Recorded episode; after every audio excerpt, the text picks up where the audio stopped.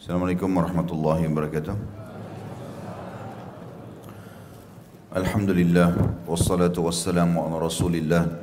Segala puji dan puja kehadirat Allah Subhanahu wa taala juga salawat dan taslim kepada Nabi besar Muhammad sallallahu alaihi wasallam. Melanjutkan bahasan kita kitab adab mufrad yang ditulis oleh Imam Bukhari rahimahullah.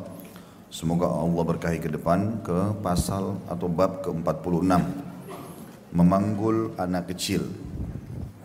Setelah sebelumnya kita sudah membahas anak menjadi penyebab sikap bakhil dan pengecut. Tentu saya berikan kronologis lagi. Anak bisa menjadi nikmat yang melimpah dari Allah Subhanahu wa taala apabila memang sumbernya benar, bukan dari perzinahan, tapi dari pernikahan yang sah. Kemudian juga sperma yang tertuangkan di rahim seorang istri yang sah itu terbentuk dari harta yang halal, makanan, minuman yang halal, kemudian didukung setelah lahir juga lingkungan dan pendidikan yang baik, maka dia akan menjadi nikmat yang melimpah. Karena anak yang saleh dan saleha menjadi salah satu penyebab amal jariah.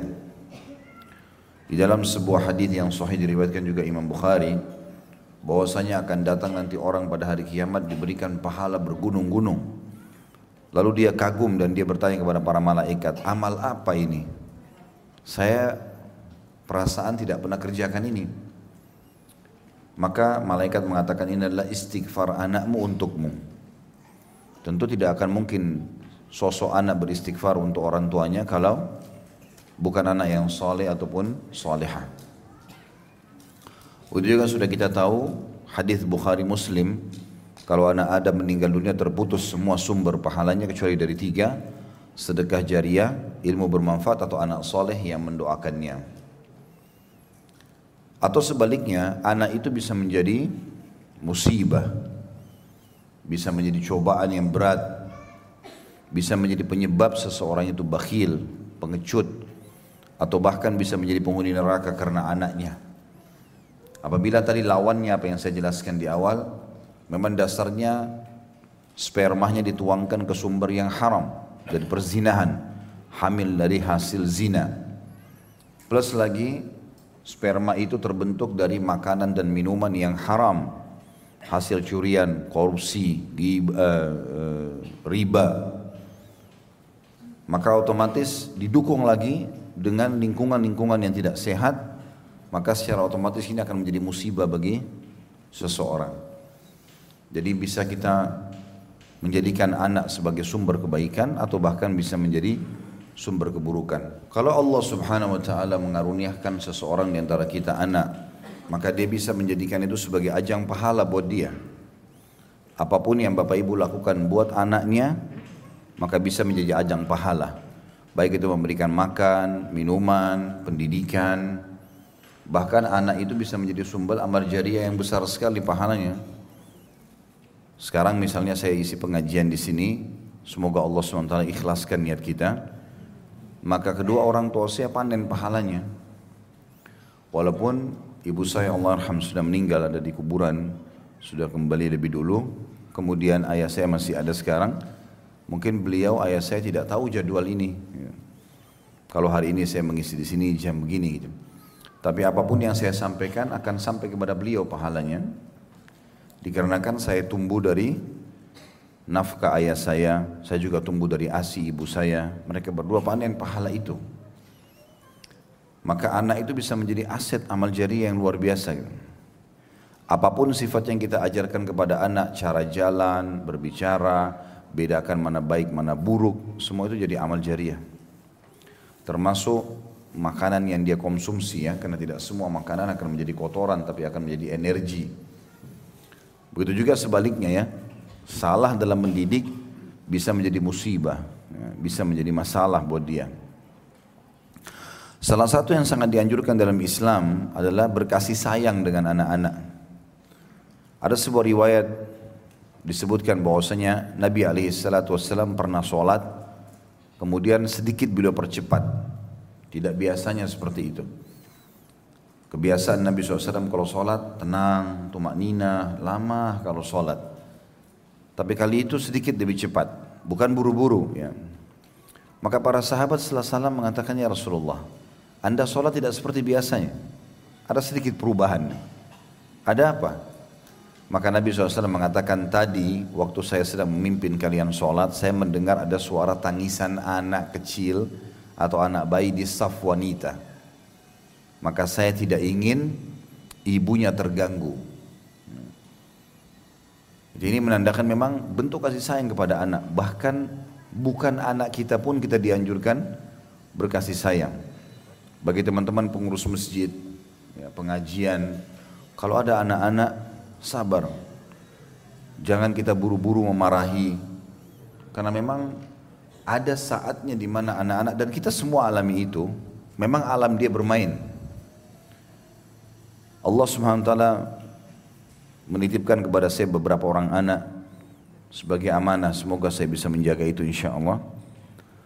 Maka anak-anak ini saya lihat memang ada saatnya mereka bermain dan tidak mungkin kita menyuruh dia diam. Sampai istri saya mengatakan, ini anak nggak bisa diam sama sekali nih. Disuruh diam sebentar aja, coba satu menit nggak bisa. Saya bilang memang bukan saatnya dia diam. Karena dia ingin tahu apa saja, beda dengan kita. Kalau sudah dewasa kita sudah tahu mana bahaya, mana baik, mana buruk. Dia belum tahu, dia ingin tahu semuanya. Tugas kita bersabar di situ. Ya, tugas kita bersabar. Kadang-kadang ada anak-anak yang datang ke masjid, mungkin mereka berlari-lari, diingatkan baik-baik. Di gereja itu dirangkul, dikasih permen, diajak nyanyi. Kok kenapa di masjid malah dipenuhi dengan marahan, ya ancaman, ya. Mereka memang tidak ngerti. Mereka tahunya itu alam kami memang begini, bermain. Dan tidak mungkin kita berhentikan mereka dari itu. Salah satu hadis yang membahas masalah kasih sayang juga ini adalah di pasal 46 ini tadi ya. Memangkul anak kecil. Imam Bukhari rahimahullah berkata, Abul Walid mengabarkan kepada kami ia berkata Syu'bah mengabarkan kepada kami An Adi bin Thabit qal Sami'tul bara'a yaqul Ra'aitu an-nabiyya sallallahu alaihi wasallam wal Hasan salawatullahi alaihi ala atiqihi wa huwa yaqul Allahumma inni uhibbuhu fahibbah. Dari Adi bin Thabit ia berkata aku mendengarkan Al-Bara radhiyallahu anhu berkata aku melihat Rasulullah SAW dan Al-Hasan salawatullahi alaihi. Ya, semoga Allah SWT berikan salam kepada beliau. Berada di atas pundak Nabi SAW sambil Nabi berdoa Ya Allah sungguhnya aku mencintainya maka cintailah ia. Kandungan hadis ini yang pertama hendaknya mengasihi dan menyayangi anak-anak kecil. Jadi Nabi SAW itu disebutkan dalam riwayat yang lain kalau datang dalam atau dari satu peperangan atau perjalanan safar maka sudah ditunggu oleh anak-anak kecil di pintu gerbang Madinah. Ada yang bergelantung di paha kanan Nabi SAW di paha kiri di pundak Nabi di kan, tangan kanan tangan kiri sampai kadang-kadang badan Nabi dipenuhi oleh anak-anak kecil. Sambil mereka tersenyum tertawa gitu. maka yang lainnya yang masih tidak bisa diangkut oleh Nabi SAW diangkat oleh para sahabat ya. Begitu luar biasanya Islam memperhatikan anak-anak ini. Karena dengan merangkul mereka, otomatis mereka merasakan ada kasih sayang dan perhatian dan apa pun yang kita instruksikan akan mereka terima. Ya, ini termasuk yang dicontohkan oleh Nabi Alaihissalam. Maka hadis ini di poin pertama mengandungan kandungannya mengajarkan kepada kita bahwa perlu berkasih sayang dengan anak-anak. Apalagi kalau dasarnya anak itu memang dari sperma kita atau keturunan kita. Maka secara otomatis lebih punya hak. Anak-anak secara umum saja dianjurkan untuk berbuat baik sama mereka. Bagi teman-teman yang masih punya kekakuan dalam masalah ini harus belajar. Untuk bisa lebih lembut, lebih ramah, lebih baik. Ya. Tentu kalau ada kesalahan yang terjadi diingatkan. Ada umur tertentu dibolehkan kita untuk memukul. Tapi pukulan pun tidak boleh berbekas. Sebagaimana sabda Nabi SAW perintahkan anak kalian sholat di umur 7 tahun. Lalu pukullah mereka di umur 10 tahun. Dan pisahkan mereka di tempat tidur. Makna daripada perintahkan mereka sholat di umur tujuh tahun artinya mulai ajar. Dan makna daripada pukul mereka di umur 10 tahun maksudnya kalau tidak mau sholat. Tapi ulama pun menekankan pukulan tidak boleh berbekas. Ya. Jadi bukan dicubit sampai merah, ya. sampai lu badannya luka. Ya, ada orang luar biasa kejam sekali sama anak-anak. Saya sempat dilihatkan oleh istri saya ada cuplikan di TK ya kalau nggak salah ya. Ada satu TK itu padahal guru-gurunya itu berjilbab tapi kasar sekali sama anak-anak. Disakitin padahal itu bukan anak dia. Gitu kan. Sedangkan anak dia saja nggak boleh apalagi anak orang lain, amanah. Tapi ada orang subhanallah tabiatnya kasar. Sampai pernah ada seorang sahabat orang Badui. Dia pas masuk masjid, duduk di hadapan Nabi SAW ingin dengar Nabi sampaikan apa nih. Ternyata lewat Hasan dan Husain radhiyallahu anhuma, cucu Nabi SAW. Maka Nabi SAW pun merangkul, menciumi di depan para sahabat. Ya, maka orang ini kaget mengatakan, apakah kalian mencium anak-anak kalian? Sungguh aku memiliki 10 orang anak belum pernah aku cium satu pun. Tidak ada yang dicium sama dia. Ada kadang-kadang ayah begitu terlalu menjaga wibawa, gak pernah sama sekali main sama anaknya. Kalau ibu-ibu sudah umum biasanya sama-sama ya sama anaknya. Tapi ada juga beberapa ibu-ibu yang sama sekali ya hilang rahmat dalam hatinya. Kasar sekali. Bahkan lebih perhatian kepada handphone daripada anaknya. Ya. Anaknya dialihkan, suruh pergi ke sana. Sudahlah urus diri sendiri. Yang penting dia pegang handphone. Ya. Ini keliru ini. Ya. Harusnya diperbaiki masalah itu. Ya apa pun yang dibicarakan oleh anak kalau dia bertanya jangan di, jangan di, jangan disuruh diam ya karena kalau dia bertanya dia butuh jawaban kalau bapak ibu tidak kasih jawaban dia akan cari dari sumber lain apalagi kalau dia dapat dari sumber yang salah dari bacaan yang salah dari teman yang salah ini bahaya sekali nih jadi walaupun dia bertanya hal-hal yang sensitif pun minta waktu sama dia kemudian jawab nanti dengan jawaban yang tepat Ya. Dengan alam anak-anaknya. Biasanya anak-anak kalau dijelaskan secara umum sudah cukup. Ya. Sudah cukup. Ya. Selanjutnya yang kedua adalah kesucian kelemba, uh, kelembapan wajah anak kecil. Ya. Ya dimaksud di sini sebenarnya adalah bagaimana anak kecil itu sebenarnya kalau kita mau lihat ahli surga itu anak-anak kecil yang belum balik ya. Mereka itu ahli surga. Saya bilang sama istri saya begitu. Ini anak-anak kita ini, ini ahli surga semua. Insya Allah Allah panjangkan umur, tapi kalau meninggal masih belum balik, masuk surga udah. Itu dijamin dalam hadis banyak sekali masalah itu kan. Bahkan hadis Isra Mi'raj yang masyhur di mana Nabi SAW pada saat tiba di langit ketujuh sebelum menerima perintah sholat beliau melihat ada seseorang yang kata Nabi SAW ada seseorang yang mirip sekali dengan Nabi kalian ini. Di sekitarnya banyak anak-anak kecil yang lagi duduk. Lalu aku bertanya kepada Jibril siapa orang ini? Kata Jibril itu adalah ayahmu Ibrahim. Bersamanya anak-anak muslim yang meninggal sebelum balik. Nah, mereka dilindungi. Ya. jadi mereka masuk ke dalam surga itu ahli surga. Maka kita harus bermain sama mereka memberikan haknya wajar itu menyuapinya ada saatnya dan subhanallah tidak ada orang tua yang luar biasa baik sama anak-anaknya kecuali pasti Allah juga akan buat anak-anak itu berbakti pada mereka nantinya. Dan tidak ada orang yang kasar pada anak-anaknya kecuali juga Allah akan buat anak-anaknya yang durhaka sama dia. Ya. Saya punya kakak kandung yang pertama subhanallah di Surabaya. Saya perhatikan betul dari waktu masih kecil anak-anaknya. Dia betul-betul urus anak itu, luar biasa gitu. Apa saja buat anaknya udah.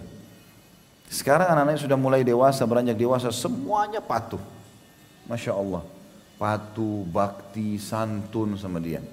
Allah SWT maha adil. Tapi kapan seseorang itu kasar, tidak baik sama anaknya, maka kalau besar pun naudzubillah bisa jadi begitu. Ya. Masih ingat riwayat Bukhari juga yang pernah ada seorang perempuan bertamu di rumah Nabi SAW, di rumah Aisyah. Kemudian Aisyah ngobrol sama ibu anak-anak, ada dua orang anak di bawah. Kemudian Aisyah menghadiahkan beberapa butir kurma, tiga butir kurma. Ibu itu karena asyik ngobrol, dia belum sempat makan kurmanya. Anaknya dua kecil di sebelahnya sudah makan kurmanya. Padahal dalam kondisi memang pengen kurma itu manis, enak. Ibu ini juga pengen makan. Tapi anak-anaknya dua-dua minta lagi. Maka dengan sabarnya dia membagi dua makanan tersebut lalu dia berikan kepada anaknya dibagi dua. Kata Aisyah radhiyallahu anha, saya kagum dengan sikapnya ibu ini. Biasanya kan orang tua marah-marah sama anaknya. Awas ya, jangan makan itu. Ya. Bakhil. Sama anaknya sendiri bakhil. Hmm. Diancam, dimarahi. Ya. Ada orang yang kasar sekali, mungkin karena anaknya makan makanan favoritnya sampai dipukulin. Ya. Hilang sifat rahmah dalam hatinya. Ini bahaya sekali, itu makhluknya Allah juga. Kita nggak ada andil di anak-anak itu. Apa andil kita di anak-anak kita? Nggak ada sama sekali.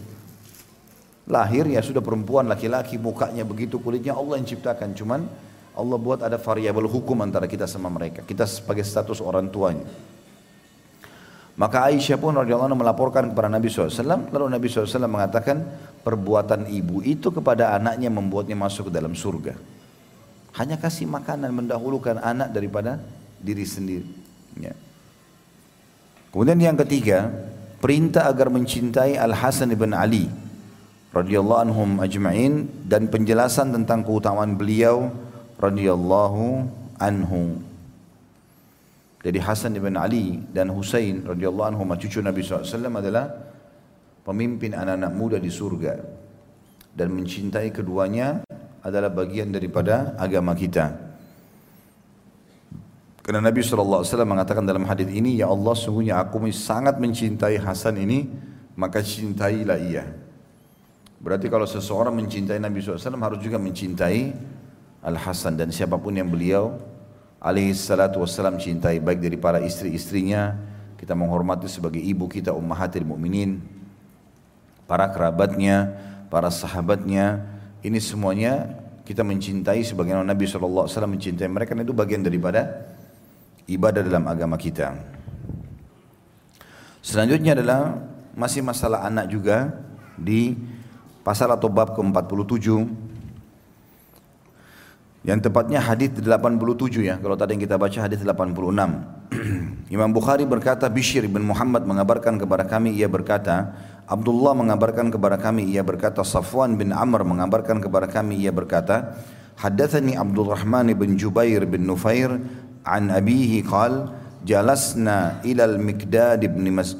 جلسنا إلى المقداد بن أسود يوما فمر بي رجل فقال طوبى لهاتين العينين اللتين رأتا رسول الله صلى الله عليه وسلم. والله لوددنا أن رأينا ما رأيت وشهدنا ما شهدت. فاستقدب. فجعلت أعجب. ما قال إلا خيرا ثم أقبل عليه فقال ما يحمل الرجل على أن يتمنى محضرا غيبه الله عنه لا يدري لو شهده كيف يكون فيه والله لقد حضر رسول الله رسول الله صلى الله عليه وسلم أقوام كبههم الله على مناخرهم في جهنم لو يجيبوه ولم يصدقوا لم يجيبوه ولم يصدقوه أولا تحمدون الله عز وجل إذ أخرجكم لا تعرفوا لا تعرفون إلا ربكم فتصدقون بما جاء به نبيكم صلى الله عليه وسلم قد كفيتم البلاء بغيركم والله لقد بؤث النبي صلى الله عليه وسلم على أشد حال بؤث عليه نبي نبي قد في فترة وجاهلية ما يرون أن دينا أفضل من عبادة الأوثان. فجاء بفرقان فرق به بين الحق والباطل وفرق به بين الوالد وولده حتى إن كان الرجل ليرى والده أو ولده أو أخاه كافرا. قد وقد فتح الله قفل قلبه بالإيمان ويعلم أنه إن هلك دخل النار فلا تقر عينه. وهو يعلم أن حبيبه في النار وأنها للتي قال الله عز وجل والذين يقولون ربنا هب لنا من أزواجنا وذرياتنا قرة أعين الآية Artinya Abdurrahman bin Jubair bin Nufair mengabarkan kepadaku dari ayahnya ia berkata satu hari aku pernah duduk bersama Al-Mikdad ibn Aswad radhiyallahu anhu lalu seseorang melintas sambil berkata alangkah beruntungnya kedua bola mata ini yang telah melihat Rasulullah sallallahu alaihi wasallam. Maksudnya uh, tabi'in itu berkata kepada Migdad, sahabat Nabi ini, beruntung sekali matamu karena pernah melihat Nabi sallallahu alaihi wasallam. Demi Allah, kami ingin melihat apa yang engkau lihat dan menyaksikan apa yang engkau pernah saksikan. Maksudnya bersama Nabi SAW. Rupanya orang tersebut membuatnya marah dan aku mulai heran melihatnya karena ia tidak mengatakan kecuali kebaikan. Artinya tiba-tiba Migdad marah dengan ucapan itu. Migdad lalu mendatanginya dan berkata, apa yang membuat orang itu berangan-angan hadir di tempat atau zaman yang Allah menjadikan ia tidak dapat hadir? Maksudnya kenapa orang ini malah berharap bisa hadir di zaman yang Allah memang tidak takdirkan dia. Ia tidak tahu kalau sekiranya ia hadir bagaimana sikapnya dalam menghadapinya. Demi Allah telah terjadi pada zaman Rasulullah SAW beberapa kaum yang dibenamkan oleh Allah ke dalam neraka karena mereka tidak menyambut seruannya dan tidak membenarkannya. Apakah kalian tidak memuji Allah yang maha suci dan maha pemurah ketika dia Allah mengeluarkan kalian dari keadaan tidak mengetahui sesembahan apa-apa kecuali Rob kalian? Lalu setelah itu kalian membenarkan apa yang dibawa oleh Nabi kalian sallallahu alaihi wasallam? Allah mencukupkan bala atau cobaan pada orang-orang selain kalian. Maksudnya orang-orang ya jahiliyah dulu karena mereka tidak beriman sama Allah kalian sudah beriman Demi Allah, sungguh Nabi SAW telah diutus dalam keadaan paling sulit yang tidak pernah seorang Nabi pun diutus dalam keadaan seperti itu. Maksudnya masa Mekah ya. Dalam kekosongan masa dan kebodohan, mereka tidak tidak tahu bahwa agama lebih utama daripada penyembahan berhala. Maksudnya orang-orang Quraisy itu cuma tahu yang paling baik sembah berhala. Agama yang dibawa Nabi SAW ini ditolak Lalu Nabi SAW datang membawa Furqan atau Al-Quran yang membedakan antara yang benar dan yang salah dan dibedakan pula dengannya antara ayah dan anak maksudnya yang kafir dan yang beriman dari ayah dan anak. Hingga seseorang melihat ayahnya atau anaknya atau saudaranya yang kafir sedangkan kunci hatinya telah dibuka oleh Allah dengan iman dan mengetahui bahwa jika dia ayahnya atau lainnya mati pasti akan masuk neraka lalu matanya tidak akan tentram sementara ia mengetahui bahwa orang yang dicintainya berada di neraka dan itulah yang difirmankan oleh Allah yang Maha Suci dan Maha Pemurah. Walladzina yaqulun rabbana hab lana min azwajina wa dhurriyyatina ayun. Al-ayah. Dan mereka yang selalu berdoa wahai Rabb kami berilah kami istri-istri dan anak-anak yang menjadi penyejuk mata. Al-Furqan 74 Hadis ini cukup panjang teman-teman, kita bedah menjadi beberapa bagian. Yang dimaksud oleh Migdad di sini, ya, sahabat Nabi ini, rupanya beliau lagi duduk, Nabi SAW sudah meninggal. Ada beberapa tabi'in yang hidup bersama mereka. Jadi ada beberapa tabi'in sempat lewat dan mereka merasa bangga melihat Migdad. Dan Migdad sahabat Nabi. Maka mereka dengan niat baiknya mengatakan, sungguh beruntung matamu ini telah melihat Nabi SAW. Kami juga berharap bisa melihatmu atau bisa mengalami apa yang kau alami dulu kalau hidup bersama Nabi SAW. Tentu ini maksudnya positif ya. Karena ada juga beberapa kejadian yang lain mirip seperti ini dan didukung oleh para sahabat. Cuma Mikdad di sini bukan berarti menilai orang ini negatif, tapi dia ingin menceritakan agar kalian mensyukuri apa yang sudah Allah kasih. Kayak kita sekarang hidup di zaman sekarang, kita kan tidak hidup di zaman Nabi, ya. Jadi tidak perlu kita, menurut Mikdad tidak usah kita mengatakan enak ya kalau kita hidup di zaman Nabi dulu ya. Gitu kan. Jadi kita tidak usah memungkiri takdir Allah. Allah lebih tahu kenapa kita lahir sekarang, kenapa kita nggak lahir dulu. Kalau saya balik tanya begini, teman-teman sekalian, kira-kira kalau kita hidup di fase Mekah dulu, kampung, tidak ada lampu, nggak ada media kayak kita sekarang, ada orang nggak bisa baca, nggak bisa nulis, ngaku Nabi. Antum jadi Abu Jahal atau Abu Bakar? Hah? Orang sekarang aja Quran sudah diterjemahkan masih males. Hah? Masih banyak yang kafir. Kalau kita hidup masa itu bayangin rumah masih sederhana, dari tanah liat, ngaku nabi. Dan kalau tidak beriman masuk neraka. Nah, coba bayangkan. Ya, muncullah Abu Jahal, Abu Lahab. Kalau kita bisa menjadi Abu Bakar, Alhamdulillah. Ya. Umar bin Khattab pun awalnya bangkang. Tidak ada orang yang mau beriman. Ya, saya seorang nabi, tapi tidak bisa baca, tidak bisa nulis. Coba. Harus beriman. Saya utusannya Allah. Makanya 13 tahun di Mekah hanya 153 orang yang masuk Islam. Enggak mudah gitu kan. Makanya Mikdad ingin memberikan pendidikan kepada tabi'in ini. Ya. Kenapa kamu harus pungkiri yang apa yang sudah Allah takdirkan? Kau harus tahu kalau kau hidup di zaman dulu, Nabi itu melalui masa-masa sulit. Di mana fase Mekah itu mereka tidak mengenal kalau ini nabi dan tidak mau tahu. Mereka tidak melihat ibadah yang paling baik ya mengalahkan ibadah sembah berhala. Artinya Migdad ingin mengatakan seakan-akan kalau kau hidup masa itu susah kamu itu. Belum tentu kau beriman. Ya. Jadi sini saya ingin garis bawahi poin penting teman-teman sekalian. Kalau Migdad terlalu bukan sedang uh, menghardik orang ini, tapi Migdad sedang ingin memberikan sebuah pelajaran penting, bersyukurlah. Gitu kan. Karena untuk mengatakan Ya, kalau kita mengatakan coba seandainya saya menjadi sahabat atau saya hidup di zaman Nabi dengan niat baik boleh-boleh saja. Karena pernah terjadi dalam kisah yang lain ya. Ada seorang tabi'in masyhur, ulamanya juga tabi'in atau salah satu dari ulama tabi'in bernama Iyas Al-Muzani. Ya. Rahimahullah. Beliau hidup sezaman dengan Anas ibn Malik radhiyallahu anhu. Anas ibn Malik pembantu Nabi. Di akhir-akhir hidup Anas sudah putih semua rambutnya dia menjadi muridnya. Pernah Anas bin Malik memberikan apel kepada Iyas. Apel. Lalu apel itu dicium-ciumin oleh Iyas. Maka orang-orang di sekitarnya, murid-muridnya tanya, kenapa anda cium ini? Dia bilang, bagaimana saya tidak menciumnya? Saya menerima dari tangan yang pernah menyentuh tangan Nabi SAW. Maksudnya ini Anas bin Malik ini sahabat Nabi yang kasih saya ini, tangannya pernah sentuh tangannya Nabi. Maka apel itu dikasih dari tangannya, wajar saya cium. Dan itu tidak dilarang. Tidak dipungkiri pada saat itu ya. Anas bin Malik pun tidak melarang masalah itu. Artinya kita boleh saja ya, ber, ber, berniat baik kalau seandainya saya hidup di zaman itu saya ingin menjadi seorang sahabat seperti itulah ya kurang lebih. Tetapi itu itu contoh. Artinya tidak masalah kalau kita ucapkan itu. Tapi dalam kisah ini Migdad ingin memberikan pendidikan kepada orang ini.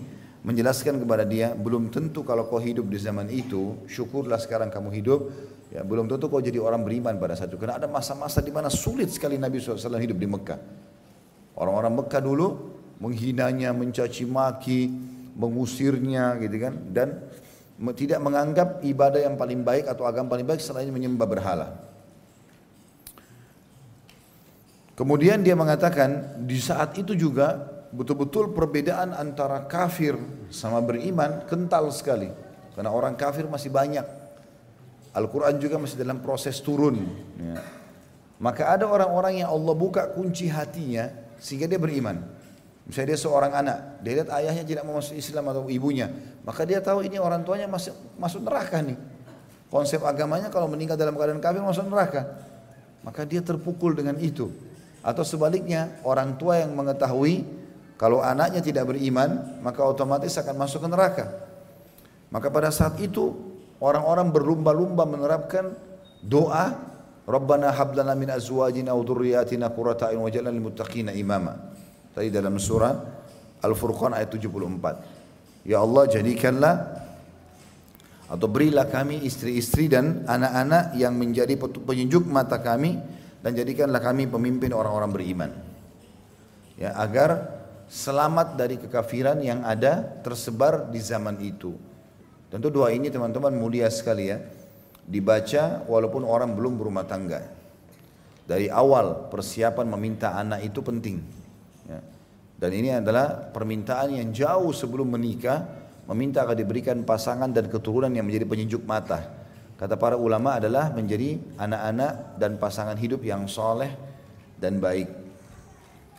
Kandungan hadis ini yang pertama, jika seorang mukmin melihat keluarganya ada yang sama-sama melakukan ketaatan kepada Allah, hatinya menjadi senang dan tentram disebabkan ia membantu dirinya dalam urusan agamanya dan berharap mereka bisa bersama-sama di surga kelak.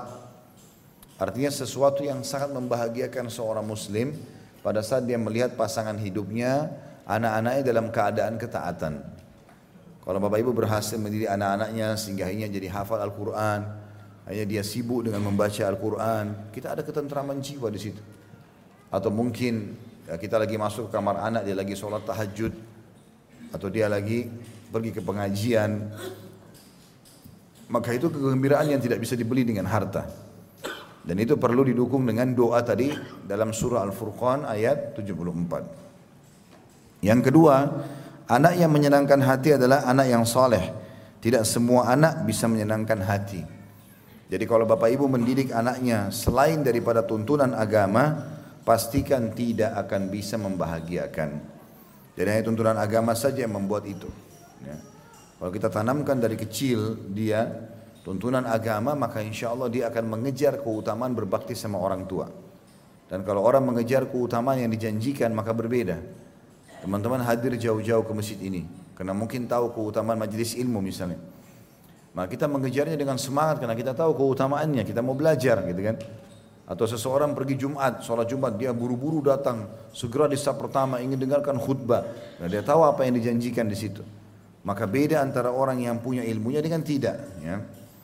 Makanya anak-anak itu ditekankan sekali masalah agama ini sudah saya pernah jelaskan juga ya.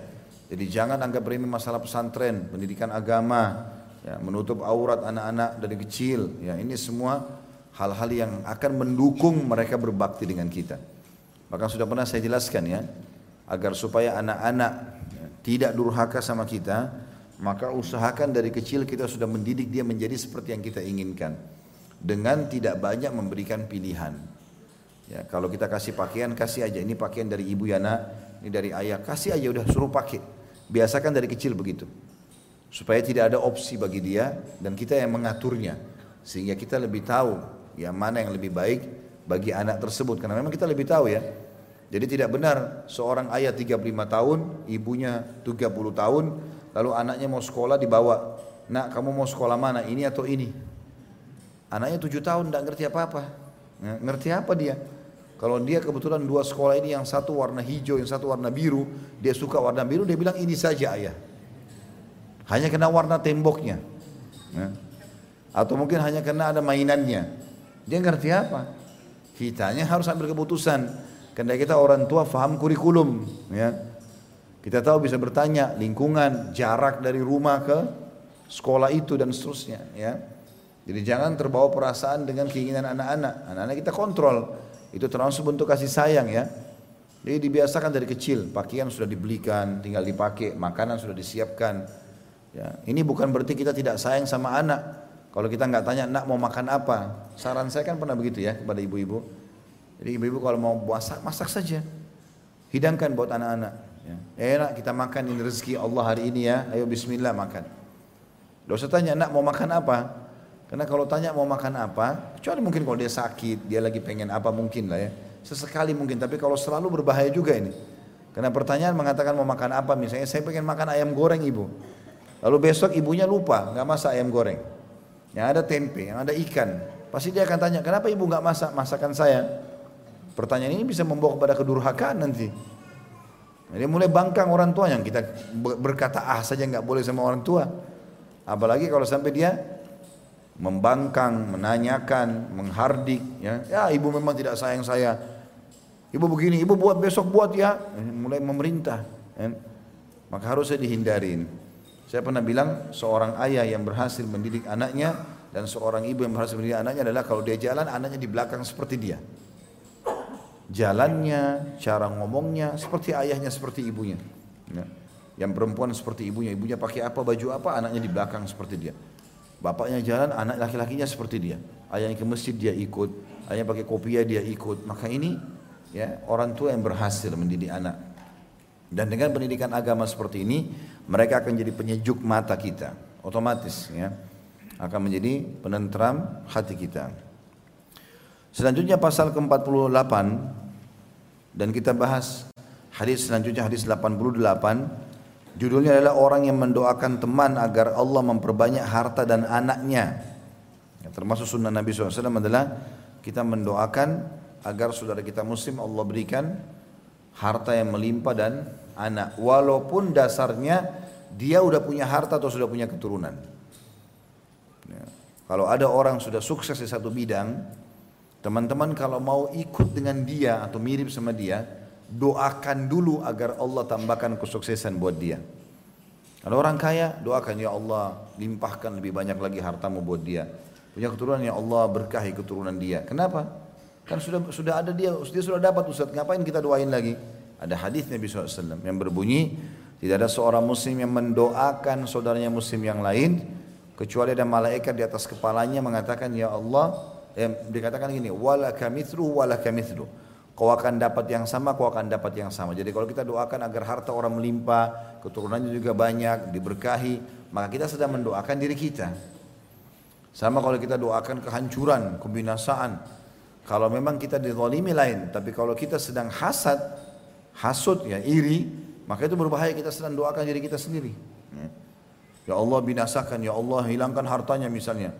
Maka itu sedang kita doakan naudzubillah diri kita. Harus hati-hati masalah ini. Hadisnya adalah Imam Bukhari berkata rahimahullah Musa bin Ismail mengabarkan kepada kami ia berkata Sulaiman bin Mughira mengabarkan kepada kami dari Thabit عن أنس قال دخلت على النبي صلى الله عليه وسلم يوما وما هو إلا أنا وأمي وأم حرام خالتي. إذ دخل علينا فقال لنا ألا أصلي بكم؟ وذاك في غير وقت صلاة. فقال رجل من القوم فأين جعل أنسا منه؟ فأين جعل أنسا منه؟ فقال جعله عن يمينه. ثم صلى بنا ثم دعا لنا يعني أهل أهل البيت بكل خير من خير الدنيا والآخرة. فقالت أمي يا رسول الله خويديمك أدعو الله له فدعا لي بكل خير. كان لي آخر كان لي كان في آخر دعائه أن قال اللهم أكثر ماله وولده وبارك له.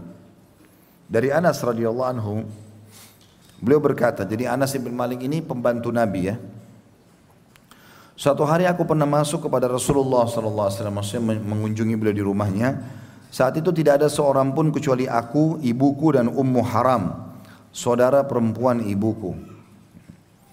Ketika menemui kami, beliau SAW bertanya, apakah sebaiknya aku sholat bersama kalian? Padahal saat itu bukan waktu sholat. Lalu salah seorang dari kami bertanya, lalu di mana Anas ditempatkan? Beliau bersabda, tempatkan ya, ia di sebelah kanan. Lalu beliau sholat bersama kami. Beliau kemudian mendoakan kami sekeluarga agar mendapatkan segala kebaikan di dunia dan akhirat. Ibuku lalu berkata, Wahai Rasulullah, doakanlah agar pembantumu ini, maksudnya Anas. Beliau lalu mendoakanku agar mendapatkan segala kebaikan. Di akhir doanya, beliau bersabda, Ya Allah, perbanyaklah hartanya, harta dan anaknya, dan berkahilah dia. Hadis ini memiliki beberapa kandungan. Yang pertama termasuk tanda-tanda kenabian Nabi SAW adalah bahwa Allah mengabulkan doa beliau.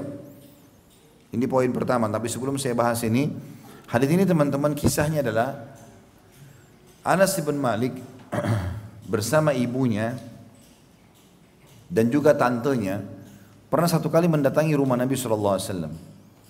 Lalu Nabi SAW waktu lihat mereka, Nabi SAW senang.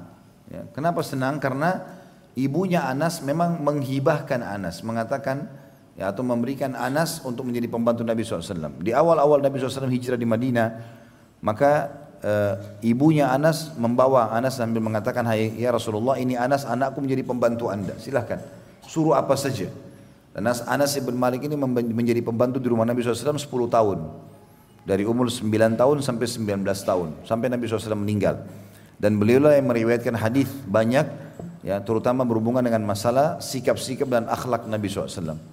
Di antara hadisnya hadis Bukhari Muslim, aku bekerja 10 tahun di rumah Nabi SAW, belum pernah aku dengarkan sekalipun Nabi SAW menghardik berkata kasar baik kepada para istrinya ataupun pembantunya. Ya. Dan tidak pernah Nabi SAW mengatakan kenapa kau tidak mengerjakan ini, kenapa kau kerjakan, kenapa kau kerjakan seperti itu. Dan Anas juga mengatakan satu waktu pernah Nabi SAW punya hajat dan aku disuruh khusus untuk membeli hajat itu. Maka aku keluar dari rumah Nabi SAW di halaman masjid aku temukan banyak anak-anak yang sebaya dengan aku. Masih umur 10 tahun, 11 tahun gitu. Lalu aku pun bermain-main sama mereka lupa hajat Nabi SAW. Maka tiba-tiba aku mendengar dari belakang ada suara yang mengatakan Ya Unais. Jadi orang Arab itu kalau e, memanggil orang panggilan sayang dia memperkecil namanya. Disilakan dengan memperkecil ismu tasgir. Jadi kalau Anas jadi Unais, ya. Maka Nabi SAW panggil Anas pembantunya yang sudah jelas-jelas sedang disuruh beli sesuatu tapi dia rupanya singgah bermain. Kata Nabi SAW, wahai Unais, tidakkah kau selesaikan dulu hajatku, baru kemudian kau bermain? Ini akhlak yang mulia gitu kan. Yang jelas Nabi SAW sangat senang dengan Anas dan ibunya. Karena ibunya ini menghadiahkan atau memberikan anaknya Anas untuk membantu Nabi SAW. Maka sebagai bentuk terima kasih Nabi SAW mengatakan, saya akan sholat bersama kalian. Ada kemungkinan kata sebagian ulama hadis adalah mungkin ini di waktu pagi dan waktu sholat duha. Maka Nabi SAW sholat, kemudian yang lain juga sholat ya. Atau di waktu sholat yang lain. Ya. Karena yang dimaksud dalam hadis ini dan ini bukan waktu sholat, maksudnya bukan waktu sholat wajib. Bukan waktu sholat wajib. Setelah sholat, Nabi SAW mendoakan kebaikan-kebaikan. Ini juga pelajaran lain teman-teman sekalian. Setiap kali kita temukan ada orang berbuat kebaikan dengan kita walaupun cuma sekali, jangan lupakan kebaikan orang itu. Ya. Tetap kita kenang kebaikan itu dan kita coba menjadikan itu sebagai pemicu kita bisa selalu berterima kasih kepadanya. Ya. Karena memang begitu yang diajarkan dalam Islam. Umar bin Khattab berkata radhiyallahu anhu, saya akan ya, uh, saya akan terus berterima kasih sepanjang hidupku sampai aku meninggal kepada seseorang yang mengingatkan satu kesalahanku. Ali bin Abi Thalib berkata radhiyallahu anhu, saya siap untuk membantu atau menjadi pembantu kepada siapa pun yang mengajarkan kepadaku satu huruf. Artinya itu semua adalah kebaikan-kebaikan. Kita tahu menilai kebaikan orang. Dan kata Nabi SAW dalam hadis yang lain, Man lam yashkurun nas la yashkurullah. Siapa yang tidak berterima kasih pada manusia, maka dia tidak berterima kasih kepada Allah. Ya. Nah, kita harus belajar untuk bisa berterima kasih. Nabi SAW ajarkan di antara bentuk terima kasih kita adalah mendoakan. Makanya Nabi SAW doakan ibunya Anas, doakan Anas dan juga didoakan tantenya Ummu Haram ya, anhu majma'in. Setelah itu ya, ternyata Ummu Hani atau ibunya Anas ini masih terus saja minta didoakan sambil mengatakannya Rasulullah ini pembantumu Anas ya, doakan lebih banyak lagi maka di antara doa yang Nabi SAW sampaikan ya Allah perbanyaklah hartanya dan dan keturunannya dan berkahilah. Dikatakan pada saat Anas bin Malik akan meninggal dunia, dia sudah memiliki anak dan cucu mendekati 100 orang. Ya. Allah subhanahu wa ta'ala berkahi. Ya. Karena banyaknya keturunannya, maka sesuai dengan doa Nabi alaihi salatu wassalam. Dan tentu ini ini salah satu mukjizat ya.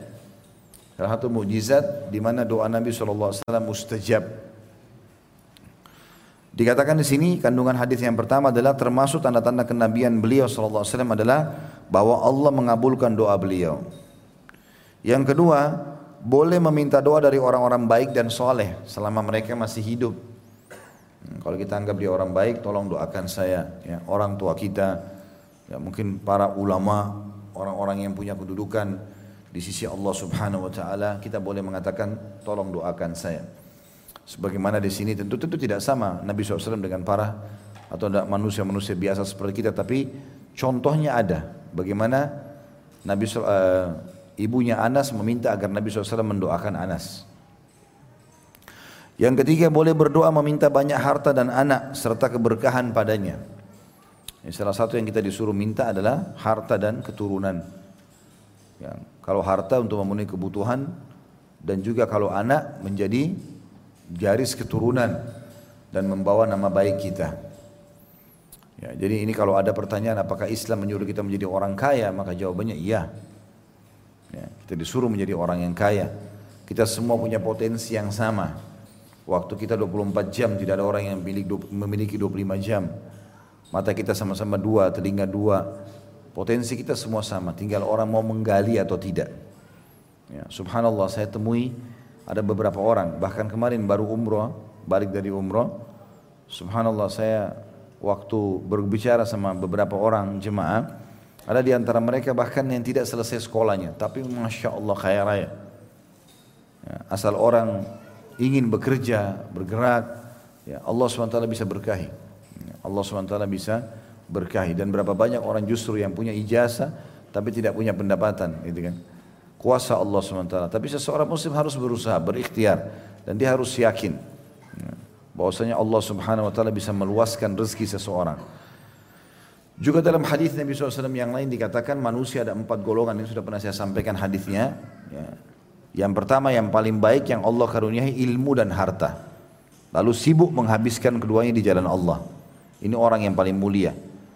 Makanya kita boleh kata sebagian ulama berdoa, ya Allah karuniakanlah aku ilmu dan harta yang melimpah, ilmu yang luas, harta yang melimpah dan mudahkanlah aku untuk menghabiskan keduanya di jalanmu.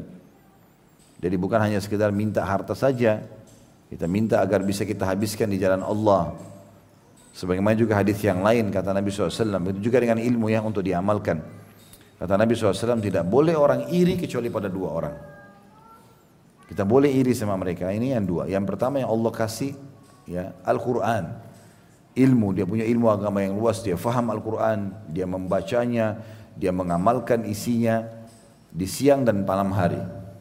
Begitu juga yang kedua adalah orang yang Allah karuniai harta yang melimpah lalu dia sibuk menghabiskannya di jalan Allah di pagi atau siang dan malam hari. Kemudian selanjutnya tentu ini juga harus diikuti dengan permintaan agar itu sumbernya halal dan akan menjadi diberkahi ya. Jadi kalau minta doa itu harus jelas ya. Mirip juga teman-teman kalau mengucapkan terima kasih sama orang. Ya, jazakallahu khairan. Khairan ini penting, ini doanya. Jadi jangan cuma jazakallah, jazakallah. Jazakallah itu semoga Allah balas anda. Apa? Dibalas apa? Khairan itu kebaikan. Harusnya ada doanya. Yang itu. Jadi harus jelas apa yang kita baca atau kita ucapkan. Kemudian yang keempat kandungan hadis adalah penjelasan tentang keutamaan Anas bin Malik radhiyallahu anhu. Ya. Ini sudah saya bahas panjang lebar kepribadian beliau, biodatanya, berikut kisah-kisah yang unik dan nasihat-nasihatnya. Kita beli akbar serial sahabat, ada Anas bin Malik.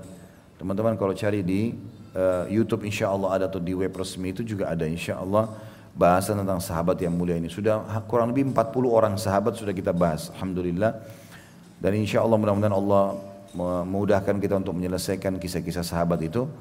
Dan bagi teman-teman yang ada waktu insya Allah Sabtu nanti ini, lusa, ada bahasan tablik akbar serial sahabat uh, Abu Sufyan ibn Harith radhiyallahu anhu, lanjutan daripada serial-serial sebelumnya. Nah, itu isinya memang rata-rata biodata, kemudian pelajaran-pelajaran yang bisa diambil dari pribadi-pribadi unggul ini. Di antaranya Anas radhiyallahu anhu. Ya, Anas ini dari kecil, ya paling tidak dia sudah menemani Nabi alaihi wasallam menemani Nabi SAW sehingga terbentuklah pribadinya, akhlaknya, ilmunya langsung di tangan Nabi alaihi salatu wassalam.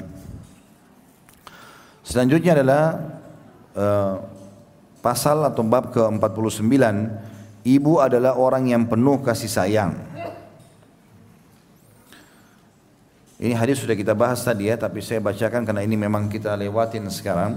Hadis nomor 89 Imam Bukhari berkata rahimahullah Muslim bin Ibrahim mengabarkan kepada kami ia berkata Ibnu Fudala mengabarkan kepada kami ia berkata Bakr bin Abdullah Al-Muzani mengabarkan kepada kami An Anas bin Malik ja'at imra'atun ila Aisyah radhiyallahu anha fa'atatha Aisyah thalathata marat fa'atat kulla sabiyyin laha tamrah wa amsakat li nafsiha tamrah فأكل الصبيان التمرتين ونظر إلى أمهما فعمدت إلى التمرة فشقت فشقتها فأعطت كل صبي نصف تمرة فجاء النبي صلى الله عليه وسلم فأخبرته عائشة فقال وما wa من ذلك؟ لقد رحمها الله برحمتها صبيهما. Atau sabiyyai sabiyyaiha dari Anas bin Malik radhiyallahu anhu beliau berkata seorang wanita menemui Aisyah radhiyallahu anha.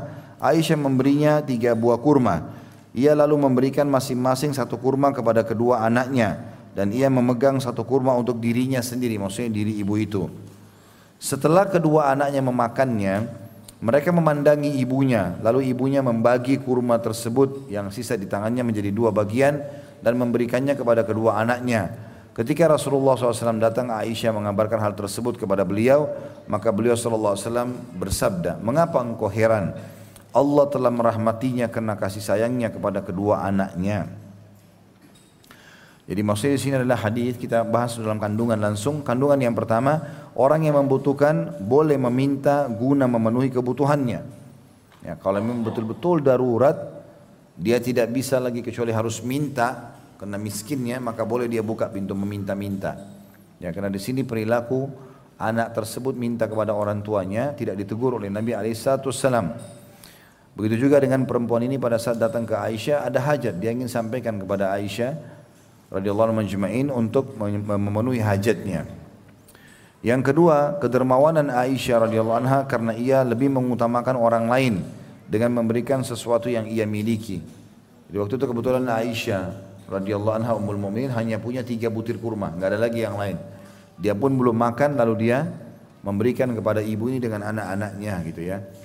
Kalau masih ingat juga pernah saya sampaikan riwayat tentang kedermawanan ummul mukminin Aisyah radhiyallahu anha Beliau pernah mendapatkan dari Muawiyah radhiyallahu anhu sahabat Nabi yang mulia 8000 dirham. Kemudian Aisyah sibuk membagi-bagikannya. Ya, ini jumlahnya besar sekali. Dibagi-bagikan dari pagi sampai sore. Setelah habis sore hari pas mau buka puasa nggak ada lagi makanan. Dia yang sama pembantunya, ada makanan nggak? Kata pembantunya tidak ada. Kata Aisyah, kenapa kau tidak bilang? Biar saya sisahkan dari uang itu. Maka kata pembantunya, saya melihat anda sibuk membagikannya, maka saya tidak mau memberhentikan itu. Jadi saking dermawannya seperti itu. Dan juga pernah Aisyah radhiyallahu anha mau berbuka puasa sebentar lagi azan maghrib, ternyata ya, yang tersisa di, di rumah hanya roti kering sama minyak saja. Jadi kalau roti kering dicelupkan ke minyak nggak ada rasanya sama sekali. Ya. Tapi nggak ada lagi itu untuk buka puasa. Maka yang terjadi pada saat itu ada orang yang ketuk pintu, orang miskin. Lalu pembantu Aisyah membuka, waktu dibuka ternyata orang miskin minta makanan. Aisyah memberikan isyarat kepada pembantunya suruh ambil roti kering ini sama minyak, kasih ke orang itu. Jadi tidak lagi makanan sama sekali. Tadi masih mending masih ada roti sama minyak, sekarang sudah nggak ada sama sekali. Maka kata perempuan itu tadi, pembantunya, dia mengatakan wahai ummul mukminin, andai saja kita minta maaf sama orang itu, karena nggak ada makanan, mau buka puasa. Kata Aisyah nggak usah khawatir, pasti Allah akan ya, gantikan kita.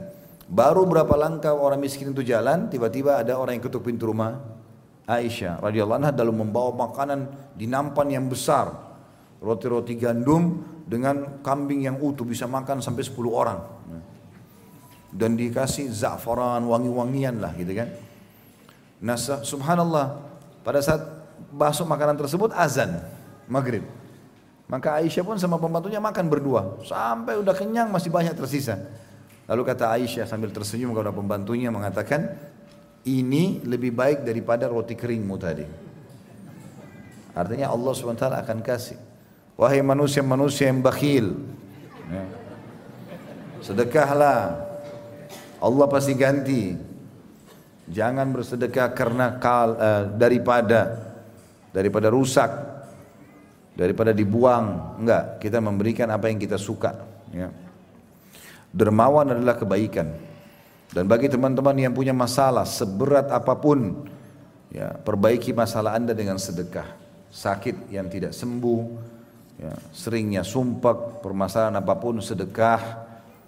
Ya, kata Nabi SAW, As-sadaqatu ghadabur rahman. Sedekah bisa meredam murkanya Allah. Kata para ulama hadis, kalau ada hukuman yang datang kepada akan datang kepada seseorang lalu dia bersedekah yang besar, Allah SWT akan keluarkan dari permasalahannya. Bahkan lanjutan hadis dikatakan wa tadfa'u mitatisu dan bisa menolak mati yang buruk. Ya, sedekah itu bisa menolak mati yang buruk. Ya. Jadi dermawan itu sangat baik.